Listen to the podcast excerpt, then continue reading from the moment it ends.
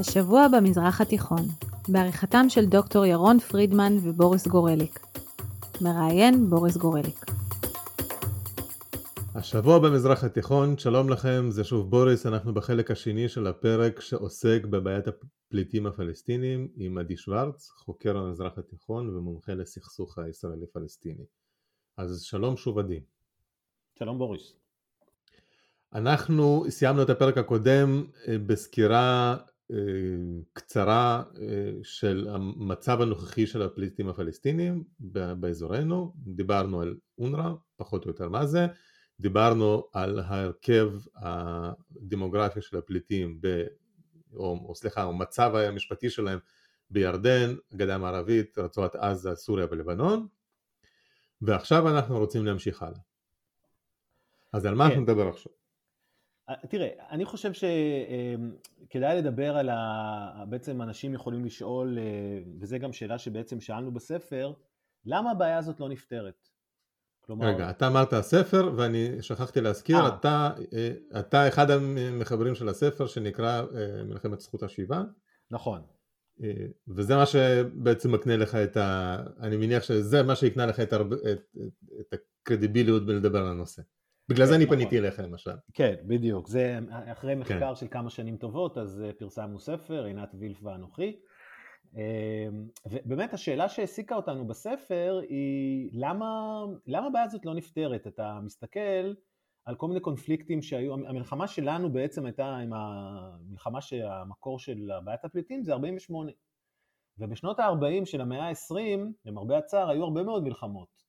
אה, לא צריך כבר להזכיר את מלחמת העולם השנייה, כן, אבל אה, הודו ופקיסטן די במקביל אלינו התפצלו לשתי מדינות ב-47 והייתה שם מלחמה נוראית עם אה, כמות יותר גדולה של פליטים. וכמה שנים אחרינו היה את מלחמת קוריאה, שגם שם היו כמה מיליונים של פליטים, ובכל הסיפורים האלה אין יותר פליטים היום. אין היום יותר פליטים בקוריאה, בדרום קוריאה, כן? אין היום יותר פליטים באירופה, למרות שהמספר שלהם היה גדול. אה, אין היום אנשים בהודו פקיסטן שהם פליטים, אז אתה שואל את עצמך בעצם מה הייחוד, מה מיוחד בסכסוך הישראלי-ערבי או ישראלי-פלסטיני שמאפשר את זה שמיליונים של אנשים עדיין מחשיבים את עצמם כפליטים. זה, זה בעצם הייתה השאלה שהוציאה אותנו לדרך, לנסות להבין את זה. אז אני אתן לך את התשובה שלי של כאילו אדם מן השורה שקצת מתעניין באזור, אז מה שאני יודע שבניגוד למדינות אחרות או מצבים אחרים, פליטות לא נגמרת עם פטירתו של בן אדם, אה, אדם שיוגדר פליט, הוא, אה, בניו ובני בניו יקראו פליטים, וזה בעצם מה שקורה. צדקתי? כן, זה בהחלט חלק מהתמונה, כלומר מה שאתה מדבר עליו זה בעצם היחס המיוחד שהפליטים הפלסטינים, היחס יוצא הדופן שהפליטים הפלסטינים זוכים מהקהילה הבינלאומית. כי מי הרי זה שמגדיר מי זה פליט, או כמו שאתה אומר, מי מעביר בירושה את המעמד הזה? זה האו"ם. במקרה שלנו, כמו שאמרנו, אונר"א, וזה נכון מאוד שהקהילה הבינלאומית באמצעות אונר"א מפלה לטובה אה, את הקהילה הזאת, את הפליטים הפלסטינים, יותר מאשר כל קבוצה אחרת של פליטים. ולמה זה? אה, למה זה? אז פה בעצם אה, צריך לחזור, לפתוח איזה שהם סוגריים ולחזור לשנות החמישים או ממש לסוף המלחמה. הדבר החשוב לזכור זה את הקונטקסט ההיסטורי, הקונטקסט ההיסטורי זה המלחמה הקרה. אנחנו מדברים ממש ממש על הימים הראשונים ועל שיאה של המלחמה הקרה, 48-49, רק בשביל שניתן קונטקסט, סטלין עדיין בחיים, אה, צ'רצ'יל נותן את נאום אה, מסך הברזל שלו ב-46, 48 זה המצור על ברלין שהרוסים עושים, שנות ה-50 זה, ה, כמו שאמרתי, המלחמה בקוריאה, האמריקאים והבריטים, שלצורך העניין זה המערב בתקופה הזאת, הדבר שהכי מפחיד אותם זה שהמזרח התיכון ייפול לידיים סובייטיות. יש מאבק גדול, אנחנו מדברים על התקופה של טרומן ושל אייזנהר במידה מסוימת, פחד גדול שהרוסים יצליחו לעורר מרידות קומוניסטיות, אגב, כמו שהם עשו בכל מקום, היו מרידות קומוניסטיות באירופה, בסין, כן, במקומות אחרים בעולם, ביוון הייתה מלחמת אזרחים. הפחד היה שברית המועצות תשתלט גם על האזור הזה. עכשיו צריך לזכור, האזור הזה זה תעלת סואץ, זה מעבר הנפט, אנחנו מדברים על תקופה מאוד מאוד רגישה של שיקום אירופה, שבה אה, אם ברית המועצות הייתה משתלטת על אה, העולם הערבי, ככה לפחות ארה"ב ובריטניה חשבו, ייגרם להם נזק גיאו-אסטרטגי חמור ביותר. לכן האינטרס העליון של האמריקאים והבריטים בתקופה הזאת הוא לנסות ולשמור על יציבות ועל יחסים טובים עם מדינות ערב. אייזנהאואר, אפילו זה היה גלוי בהקשר הזה, היה את דוקטרינת אייזנהאואר, אגב די דומה למה שאובמה ניסה לעשות, המחשבה שלו הייתה שכדי לקנות את אהדת העולם הערבי, אין ברירה אלא להתרחק מישראל. כלומר, לנסות לקשור קשרים טובים עם נאצר, לקשור קשרים טובים עם כל המנהיגים באזור הזה, אה, ובעצם, אתה יודע, באיזשהו מקום אה, אה, להתגמש לקראתם, לבוא לקראתם. זה ההקשר של בעיית הפליטים. אני פה יכול קצת להסכים איתם, כי לא מספיק שהערבים הרבה יותר גדולים במספרם מישראל, גם הם לא סוחבים איתם את המפלגות הסוציאליסטיות שהקימו את המדינה הזאת, אז אני, אני מבין את החשש שלו. בסדר גמור, אני בכלל לא מתווכח, אני, אני מתאר את הדברים, אני לגמרי מבין את הריאל פוליטיק, ברור לי, תראה, אפשר לדבר על זה כמה שאתה רוצה, אבל ב-48, באותה ישיבה מפורסמת, כשטרומן אה, אומר אה, לקבינט שלו שהוא רוצה להכריז, אה, רוצה להכיר במדינת ישראל, בא מרשל, עם כל הכבוד שהיה, אתה יודע, גנרל מעוטר ואיש מאוד מאוד בעל פרסטיג'ה, ואומר, למה לעזאזל אנחנו תומכים ב-600 אלף יהודים כשיש לידם 60 מיליון ערבים? תסביר לי את ההיגיון. אני לא מתווכח, אני לא אומר, יכול להיות שהוא צודק. ולאותם 60 מיליון ערבים יש הררים או נהרות של נפט, אני לא כרגע נכנס לשיפוט ערכי או מוסרי, אני פשוט מתאר את התמונה כמו שהיא. אתה צודק, מה שאתה אומר זה באמת נסיבות גיאו-אסטרטגיות, אבל פה חשוב להגיד, לא מוסריות, כן? לא מדובר על מי צודק, לא מדובר פה על צדק, מדובר פה על זה יותר כדאי לנו לצדד בצד הערבי. עכשיו תראה, אותם 750 אלף פליטים, שאנחנו צריכים להיזכר, בשנים הראשונות כן היו במצוקה אמיתית. כלומר, אז אנחנו כן מדברים על פחונים, על אוהלים, בשולי הדרכים, בחורף, בקיץ, וזה בדיוק מאותם גורמים שהיה חשש כאילו שהקומוניסטים, אתה יודע, יצליחו לערער ולהפוך אותם לכוח מתסיס ולהפיל פה את mm-hmm. כל המשטרים. זה היה החשש שלהם. בשלב הראשון, האמריקאים והבריטים אמרו, מצוין, בוא נשקם את כולם. האמריקאים באו בגישה כמו שהם עשו באירופה, לעשות תוכנית מרשה לפלסטינים, לשפוך פה המון כסף, לבנות להם, אה, אתה יודע, ערים חדשות, מקומות עבודה, היה להם פרויקטים גדולים באזור אה, תעלת סואץ, לחפור את הצד המזרחי, הם רצו לעשות איזה חיבור של תעלת הירמוך בירדן עם הצד המזרחי של אה, נהר הירדן, פרויקטים, אתה יודע, בסגנון ה-New Deal של רוזוולט, תזכור, אנחנו מדברים על זה די קרוב לתקופה, הם אפילו הביאו מנהלים מה-New Deal, כי זה, זאת הייתה המחשבה, okay. אוקיי. השקעה, השקעה אה, ממשלתית גדולה בפרויקטים של תשתיות, וככה האנשים האלה, אה, אה, אתה יודע, יצאו מהמצוקה, נסגור את העסק, הרוסים לא יהיה להם דריסת רגל, יאללה, נמשיך בחיים. זאת תוכנית מקסימה, הכל יפה מאוד, רק אין קליינטים. החבר'ה לא רוצים. באים למחנות פליטים, והם אומרים להם, תשכחו מזה. אנחנו לא מוכנים להשתקם. יש את זה בעדויות בנות הזמן, יש את זה במחקרים. כאשר באים לפלסטינים ומציעים להם להשתקם, הם לא מוכנים לעשות את זה. יותר גרוע, אנחנו מספרים בספר סיפור שגם כאשר אה, אדם פלסטיני, אה, מוסא עלמי, שמקים איזושהי חווה לדוגמה כדי לשקם פלסטינים, הפלסטינים פשוט מסתערים על החווה הזאת ושורפים אותה. כלומר, גם כאשר פלסטיני עושה את זה, לא אונר"א ולא אה, אשכול, כן? ולא אנחנו עושים את זה, הם לא מוכנים להשתקם. כי למה? ש... כי, כי אנחנו לא מקבלים נדבות מהכופרים, או שזה כבר לא. התחילה אז המאבק? לא, העניין הוא פשוט, אנחנו, לא, אנחנו חוזרים הביתה. אנחנו לא רוצים להשתקם בתעלת סואץ או בזה, אנחנו חוזרים ללוד. ואנחנו מבינים טוב מאוד שאם אתה בונה לנו בית חדש ומצפה להחזיר אותנו לחיים, אתה בעצם אומר לנו, תמשיכו הלאה בחיים שלכם. live with it, go on, כן? תמשיכו לחיות mm-hmm. בלבכם עם ההשפלה הזאתי שהפסדתם את לוד ליהודים, ושיהודים יישארו פה בלוד. אנחנו לא מוכנים. זה משהו, זה תסריט שהוא יותר גרוע מבחינתנו. מדברים הרבה על, על תנאי החיים של הפלסטינים ועל זה שהם צריכים לעמוד במחסומים. צריך להבין שבראש, בתודעה הפלסטינית, ההשפלה של לעמוד במחסום, ההשפלה של לחיות מלחם ליום, אוקיי? או לחיות בפחון, כמו שאתה אומר ברפיח, זו השפלה זניחה, או שהמחיר הנפשי והתודעתי שלה יותר נמוך, מאשר ההשפלה של להגיד שאיבדנו את פלסטין. זה, זה המהות, זה, זה לב העניין. ולבוא ולהגיד... ואתה אומר את זה כי, כי מה? כי, כי העובדות מדברות בעד עצמן, או שאתה באמת ראיינת אנשים, או, כי אני רואה אין או קראת ראיונות? אני רואה אין סוף, תראה, כבר ב-1950 נשלחים אה, אנשים מטעם הבנק העולמי ומטעם כל האנשים ועושים ראיונות עם האנשים, הכל, הכל נמצא on the record. הם אומרים, הכל, הם, הם מבטאים את זה, אותו מוסא עלמי שמנסה, זה פלסטיני, כן? שלא חשוד בכלל בהיותו פרו-ציוני. הוא פשוט רוצה לתת להם חיים יותר טובים. זה באמת ההיבט הכלכלי-הומניטרי קלאסי, כן? אם אתה רוצה, כמו בתקופה שלנו, זה, אתה זוכר שבאחת המלחמות אה, ארכדי גיידמק בנה מין עיר אוהלים, או איזה מין משהו כזה, כאילו, אתה יודע, לעודד את החבר'ה, כן, הוא לא היה כן. פה ערבי, הוא היה מהצד שלנו, נכון? זה מוסא עלמי שלהם, איש עשיר מאוד שמנסה לשפר את חייהם, והם שורפים לו את החווה, והם אומרים, אתה בוגד, כל ניסיון שיקום הוא מבחינתנו אה, יריקה בפרצוף. זה מאוד קונסיסטנטי, כל הזמן קיים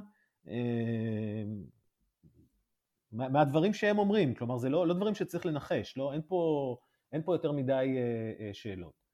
אמ, ואז בעצם האמריקאים מבינים שהם בעצם ימשיכו, ל, ל, ל, הם מבינים שכל הסיפור אבוד. אנחנו כבר ב-52 מקבלים, אה, אה, מצאתי מברקים שנשלחים מירדן לוושינגטון, אה, מברקים דיפלומטיים, והם אומרים, תשמעו, זה, זה בולשיט. האונר"א הזה זה סיפור, זה... הירדנים לא משתפים איתנו פעולה, הפלסטינים לא משתפים איתנו פעולה, אנחנו סתם מבזבזים כסף. אתה יודע, האמריקאים לא אוהבים לבזבז כסף. אבל כאשר הם, ויש תוכניות רציניות להגיד, טוב, אנחנו מושכים את ידינו, אתם לא רוצים שנשקם אתכם, אז ביי, אנחנו הולכים, מה אנחנו צריכים פה סתם לבזבז זמן? ואז הערבים אומרים להם, וגם זה כתוב, אתה שואל אותי בזה, אז יש את זה שחור על גבי לבן. הערבים אומרים להם, תראו, אם אתם תסגרו את אונר"א ותאותתו לנו שאתם לא מוכנים יותר לתמוך בבעיית הפליטים, מבחינתנו זה חמור כמו ההצבעה שלכם באו"ם על הקמת מדינת ישראל. כלומר, אנחנו נראה בזה פגיעה בנו, זה בגידה בנו מבחינה פוליטית. מי זה בנו? כל אחת ממדינות העולם. כל העולם הערבי. כל okay. אוקיי. העולם הערבי. יש פגישה של השגריר הסעודי, ממש בסגנון מאפיה שהוא מדבר לשר החוץ האמריקאי, בסגנון של, אתה יודע, אני מציע לך הצעה שאי אפשר לסרב לה. אמ, והאמריקאים עושים את החשבון שלהם, כשבכל העולם, אה, אתה יודע, יש להם שיקולים מדרום אמריקה ועד אסיה וסין וזה, עם כל הכבוד להמשיך לשפוך 100 או 200 מיליון, אה, מיליון, אה, מיליון דולר על אונר"א בשנה כדי לקנות שקט בעולם הערבי. כדי לקנות שקט בעולם הערבי. אונר"א היא שוחד שהמערב נותן לפלסטינים ולעולם הערבי מאז 1950. זה התפקיד של אונר"א. אין לאף אחד אשליות לגביו, המערב, היום כבר שכחו את זה, היום לא יודעים את זה, אבל המערב הבין בתחילת שנות החמישים שהפלסטינים לא רוצים שישקמו אותם, אבל ממשיכים לתת את זה כמין פרוטקשן כדי שהעולם הערבי לא יפגע אה, אה, במערב. ומה בעצם... הסובייטים עושים כל הזמן הזה? תראה, הסובייטים אה, מעולם לא נתנו שקל אחד לאונר"א. כלומר, הסובייטים הם... למרות שזה חלק מהאו"ם, זה לא איזה לא, מוסד לא. של נאט"ו. לא, זה לא מוסד של נאט"ו, אבל זה גם לא בדיוק מוסד של האו"ם. כלומר, אונר"א לא מקבל את תקציב, התקציב שלו הוא לא אינהרנטי, הוא לא בתוך תקציב האו"ם, אלא כל שנה צריך לגייס תרומות. כלומר, אה, בסופו של דבר התקציב של אונר"א הוא משהו כמו 15 או 20 מדינות תורמות, כמובן רובן מאירופה, ארה"ב, קנדה, אוסטרליה, מדינות ערב תורמות קצת, אבל בגדול אונר"א זה פרויקט של המערב. ברית המועצות mm-hmm. מעולם לא ראתה צורך אה, אה, לקחת אחריות על, ה, על הדבר הזה. אה, תראה, יש שלב מאוד מאוד התחלתי, שברית המועצות ממש בשנה הזאת של 48, כמו שאנחנו יודעים, הייתה מאוד פרו-ישראלית. הרי היא הצביעה בעד תוכנית החלוקה באו"ם, וגם כשמדינת ישראל מוקמת אז uh, לברית המועצות יש בהתחלה יחסים מאוד טובים. זה מתהפך די מהר, כבר אחרי מלחמת העצמאות, כשהם מבינים שהאוריינטציה של ישראל ושל בן גוריון אה, הולכת ונוטה לכיוון המערב, אז הם מקבלים אה, גוון מאוד מאוד פרו-ערבי. אבל בשנים האלה הראשונות זה לא, אין, אין מעורבות מאוד חזקה של ברית המועצות, זה לא סיפור רוסי. כלומר בשלב. הזה זה לא, אין שם איזה משהו דרמטי, זה במש, במשולש היחסים שבין המערב, העולם הערבי ומדינת ישראל. זה, זה בעצם הסיפור, אם שאלת את עצמך למה אונר"א, למה המערב אה, אה, הפלה לטובה את הפלסטינים בהיבט של אונר"א, זו הסיבה. המלחמה הקרה והצורך שלהם בעצם ל, אה, לשאת חן בעיני הפלסטינים ואונר"א. אוקיי, okay, אבל אני חושב שמלחמה קרה נגמרה, יכול להיות שמתחדשת, אבל זה כבר סיפור אחר.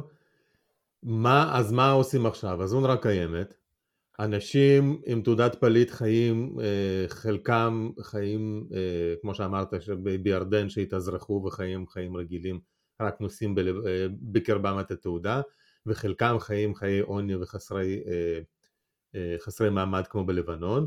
מה עושים עכשיו? מה בעצם הפתרונות? אז תראה, זו בעצם הטרגדיה הגדולה, משום שקודם כל, כמו שראינו מקודם, המספר, המספר צמח מ-700 אלף ל-5.7 מיליון. אני חושב שהרבה אנשים, גם בישראל וגם בעולם, ואגב, אני כולל את עצמי בזה, אם אתה מסתכל אחורה בשנות ה-90, לא העריכו נכון את מידת הרצינות של הפלסטינים. Uh, ההנחה הייתה, ושוב אני מחזיר אותך לימים של אוסלו ולתקופה של אהוד ברק שהוא הלך לקמפ דיוויד, ההנחה הייתה שהפלסטינים מזמן הבינו שהם לא יקבלו את כל השטח, שמה שנקרא אז שתי מדינות זה הפתרון שהם מעוניינים בו, ואם ככה כל ילד מבין, כן, זאת הייתה ההנחה שלנו, שבסדר, זכות השיבה זה מין משהו שהם מנפנפים בו, אבל אין לזה התכנות מעשית, ולכל היותר יצליחו להגיע לאיזשהו, אתה יודע, ישראל תעניק איזשהו מעמד סמלי ל... לא יודע מה, 5,000, 10,000, לא משנה, הכוונה משהו מספר קטן, ואם ירצו כל השאר, ילכו לאותה מדינה פלסטינית שתקום. נכון? זה בעצם היה כל ההיגיון של ה... אה, זה אני חושב פחות או יותר מה שנאמר בהסכם ז'נבה, הטיוטה התיאורטית של... כן, בכל, ה, בכל, ה, בדיוק, בכל מי, כל הוורסיות של קיימות של כל הסכמי השלום, זה, ה, זה, זה הפתרון שקיים. שוב, הבעיה היחידה שהפלסטינים לא שמעו על זה, אה, ולאט לאט גילינו שזה לא מה שהם רוצים. כלומר, המחשבה שהפלסטינים מעוניינים במדינה ביהודה ושומרון ועזה, וזהו, ותמורת זה הם מוכנים לוותר על החזון שלהם של לקחת את הגלגל אחורה לפני 48, הם פשוט לא מעוניינים בזה. וזאת הסיבה שהם בשום שלב של תהליך השלום, וזה גם כן ממוסמך בשום רגע, מאז 93 ועד היום, אין שום רגע שבו הפלסטינים הסכימו לוותר על הדרישה שלהם שישראל תכיר בכך, וזו העמדה הרשמית של אש"ף עד היום, עד הרגעים האלה. העמדה הרשמית של אש"ף היא שבכל הסכם שלום ישראל חייבת להכיר בזה שלכל אחד מאותם 5.7 מיליון איש יש זכות, זכות, זכות חוקית, כן?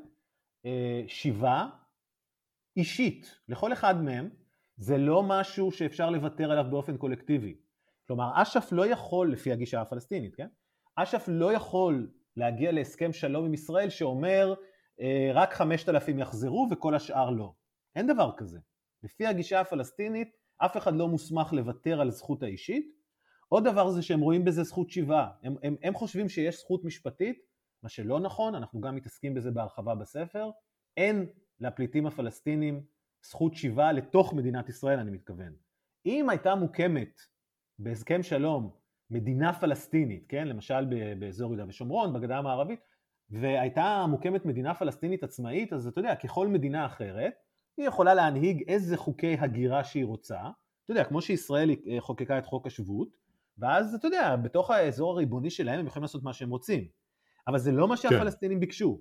זה לא מה שהפלסטינים ביקשו, הפלסטינים אה, דרשו והכשילו, הכשילו את אה, הסכמי השלום או את הטיוטות, המאמצים להגיע, מכיוון שישראל כמובן מהצד השני לעולם לא תסכים לזה. הרי אתה אמור לתת את האפשרות לשישה מיליון ערבים, כן, ביום החתימה, כאילו יש להם זכות לבוא ולגור בתוך ישראל. הרי אין ממשלה ישראלית שתסכים לדבר הזה, ופה אנחנו עומדים. אבל מצד שני גם אין נציגות פלסטינית שתסכים לוותר על זה. כמו שאתה אומר, אה, לא נכון, מחמוד עבאס נכון, ולא אף אחד נכון, אחר. נכון, נכון, לא... להיום זה הקונסנזוס העמוק ביותר, הנרחב ביותר בחברה הפלסטינית, וזו בדיוק הסיבה שאנחנו איפה שאנחנו. כלומר, בדיוק מה שאמרת זה נכון, ישראל לעולם לא תסכים לזה, הפלסטינים נכון לרגע זה לא יורדים מה, מהדרישה הזאת, ובדיוק בגלל זה אין שלום. כלומר, אם אתה שואל את עצמך למה אנחנו תקועים ואין, ואין אין התקדמות ואין שום דבר, זה משום ש... ופה הבעיה היא עוד יותר טרגית, שאף אחד גם לא עוסק בזה ברצינות.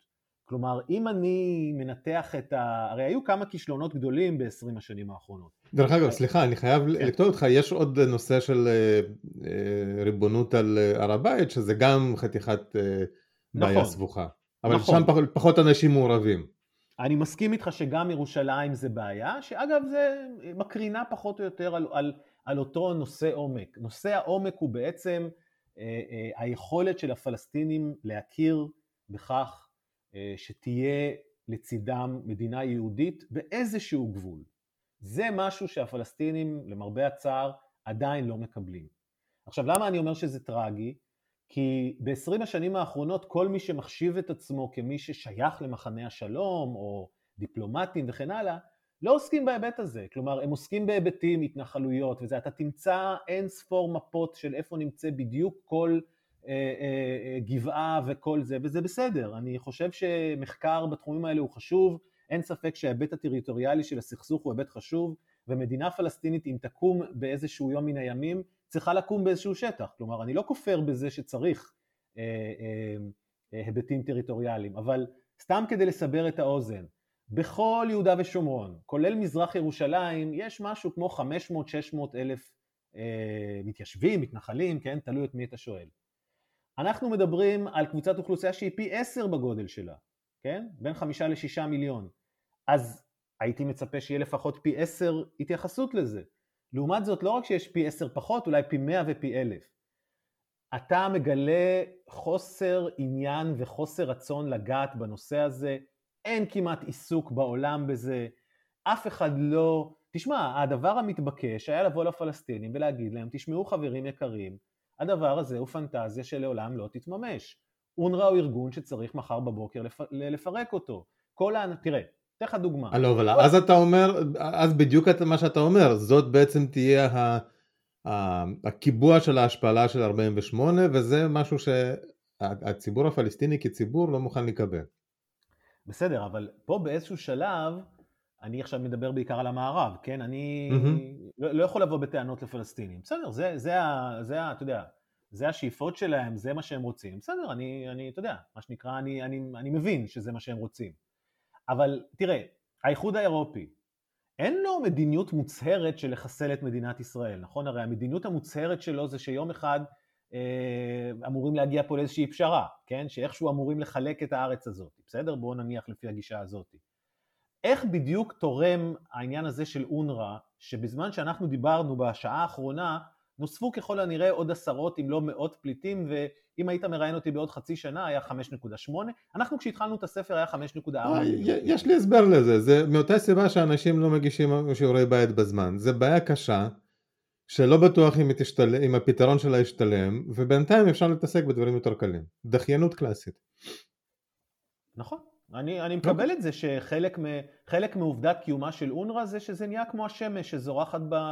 כן, אונר"א קיימת. למה יותר קשה לטלטל את הספינה מאשר אה, לתת לה להמשיך, אפילו אם היא משייטת במים עכורים. אני מסכים איתך שחלק מה... תראה, במובן הזה דווקא הפעולה של הממשל הקודם, הממשל הקודם בוושינגטון, שבעצם סגר את המימון של אונר"א, הייתה פעולה מאוד בכיוון הנכון. כל הגישה שלהם כלפי הפליטות הפלסטינית, להבין שאין שום סיבה לדבר הזה. תשמע, אין שום סיבה, בסדר, אני מבין שהפלסטינים קוראים לעצמם פליטים. זה גם לא עניין שייפתר ביום אחד. הרי גם אם מחר בבוקר נגיד לפליט, לפלסטינים, חבר'ה, אין שיבה ואין יותר פליטים. הרי זה לא שהם יבואו ויגידו, אה, ah, נכון, בטח, רק חיכינו שאתם תגידו איזה שטויות אנחנו חשבנו לעצמנו. ברור שזה לא ככה. זה תהליך שיימשך אולי שנים ואולי עשורים, ובאיזשהו שלב אנחנו מקווים שאולי האסימון יחלחל. אבל למה, ל... למה לא להתחיל אותו יום אחד? כלומר, למה אנחנו שתי... מחכים? יש לי שתי שאלות אליך, אה, ובזה אנחנו נסיים.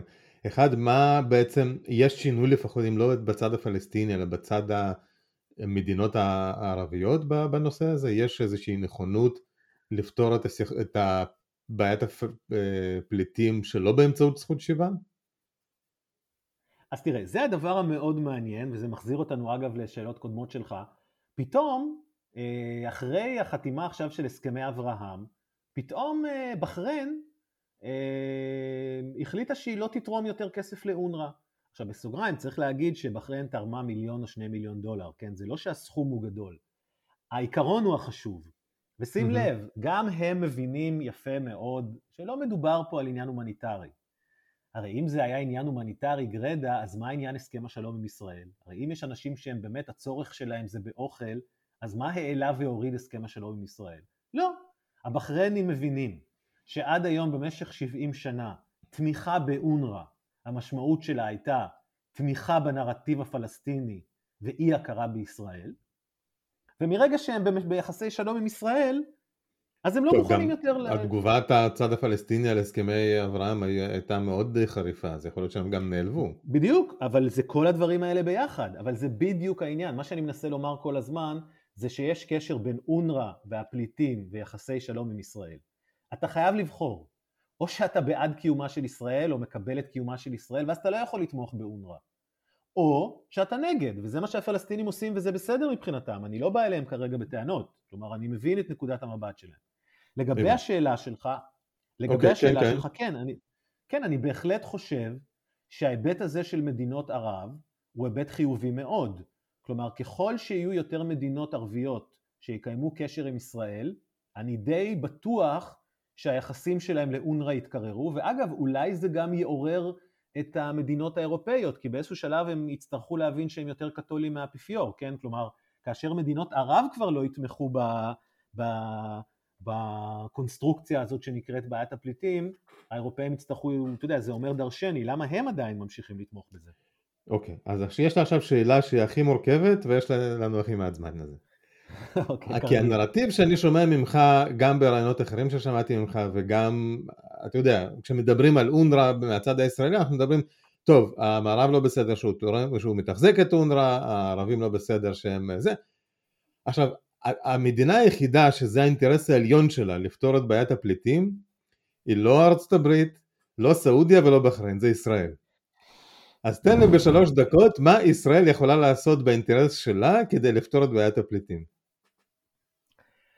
טוב, אז אני אנסה בשלוש דקות, בלי להשתמש במילים לא יפות וזה, כי באמת הגעת לנקודה שאולי הכי מכעיסה, וזה באמת ההתנהלות שלנו שהיא ערבוב של, אתה יודע מה, נתחיל מהקל אל הכבד, זה באמת עצלנות, ולגלגל את הפחית, אתה יודע, עוד שלושה מטר וזה, זה באמת, אה, אה, ועד, ועד לדעתי חוסר אה, ראות מרחיקה. אבל בואו ניגע ישר בלב העניין, כי אני חושב שהאבן הנגף המרכזית, או בעצם הגורם המרכזי שמונע...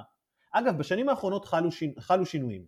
היום משרד החוץ הישראלי, וזה אתה תראה אה, גם בהודעות רשמיות, למשל עכשיו, שממשל ביידן אה, החזיר את המימון לאונר"א, יצאה הודעה רשמית של משרד החוץ הישראלי וכתוב בשחור על גבי לבן, ממשלת ישראל רואה באונר"א חלק מהבעיה ולא חלק מהפתרון. זה הודעה שלא היית רואה לפני עשר שנים. כלומר, דרך אגב, כן מדינת ישראל יכולה גם לעצור את פעילות אונר"א, פעילות אונר"א לפחות ביהודה ושומרון, רק עניין של החלטה. אמ, תראה, לא לגמרי נכון, כי זה בשטחי A, אני לא יודע, בסדר, יכול להיות, יכול להיות. אוקיי, אני בסדר. לא הייתי... תראה, גם אם עושים דבר כזה, זה צריך להיות כחלק מהצהרה רשמית, כלומר לא משהו כזה פרטאץ', צריך לעשות את זה בצורה רצינית, להסביר למה עושים וכן הלאה וכן הלאה.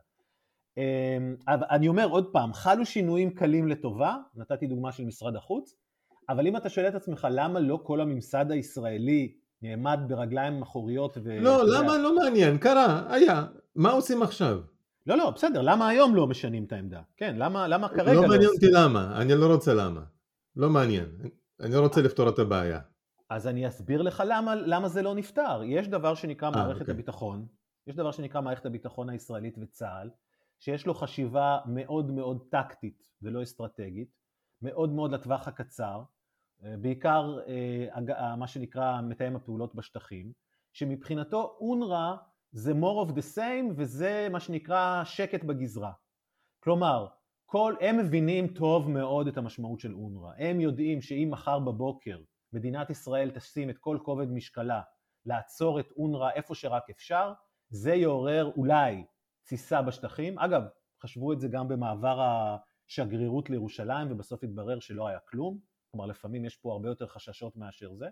ואין הרבה חשיבה לטווח ארוך. צה"ל הוא לא ארגון שיודע לנהל אסטרטגיה, הוא לא מבין שהמחשבה שלהם אומרת ככה, אנחנו רוצים שקט בגזרה מחר, אוקיי? זה שאונר"א מחנכת את הדור הבא של המתפוצצים, כן?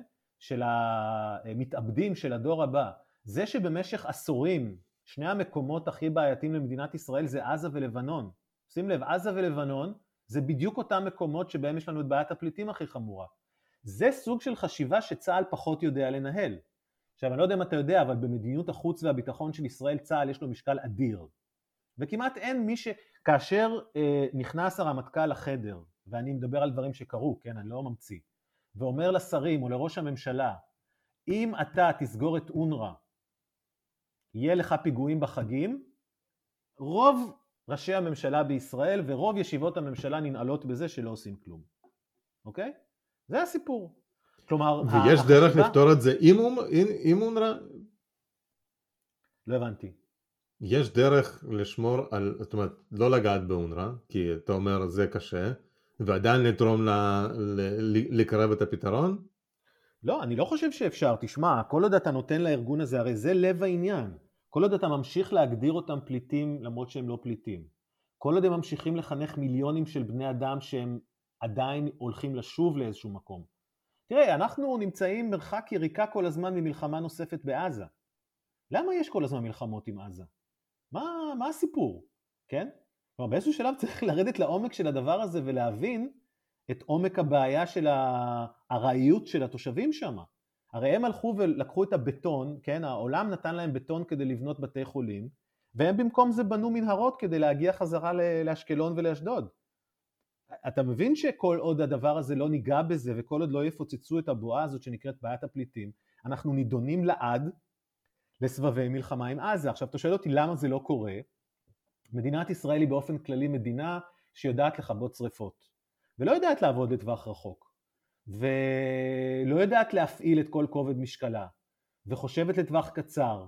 אה, ערבוב של כל הדברים האלה עם קצת עצלנות ועם קצת פקידותיות ועם עוד הרבה דברים, וזה שבאמת יש הרבה דברים על הזה, אתה יודע, תמיד יש איראן ותמיד יש חיזבאללה ותמיד יש בעיות שהן יותר בוערות, אז uh, אנחנו כבר תקועים עם הבעיה הזאת יותר מ-70 שנה. בלי עין הרע יש הרבה שריפות. טוב, אז uh, אני אוהב לסיים את, את הפרקים בשבוע במזרח התיכון בנעימה אופטימית, אני לא, לא מצליח להוציא ממך שום דבר אופטימי. אני, אני אנסה כן, אני אנסה כן, קצר מאוד אני אגיד לך, אולי בכל זאת, אני חושב שכבר דיברנו על זה גם בהקשרים אחרים, יכול להיות, אם באמת אה, יתגברו הקולות באמת, אם יהיה גם בחריין וסעודיה. אה, המדינות ערב הן אלה שיודעות הכי טוב מכולם אה, מה המשמעות של הסיפור הזה. אם הם יעזרו לנו לפוצץ את זה, אולי יהיה יותר סיכוי. כי להם אי אפשר יהיה להגיד שהם שונאים ערבים, כן? זאת אומרת, הם ברור שהם כן. לא... אה, זה. אה, תסתכל אגב מה קורה ברשתות, ה... בפייסבוק וכן הלאה, חילופי דברים בין הסעודים לבין הפלסטינים, בין האמירתים לבין הפלסטינים, אתה תגלה דברים שישראלים לא מעיזים לומר. כלומר, המדינות ערב הרבה יותר תוקפניות כשהן רוצות כלפי הפלסטינים, אה, והם אומרים להם את האמת, מה עשיתם עם כל הכסף שקיבלתם 70 שנה, אז אולי, אולי, אולי, אה, אם באמת התהליך הזה של הסכמי אברהם וכן הלאה, אם זה באמת, אתה יודע, יוכל להמשיך, אז אולי שם יש איזשהו סיכוי.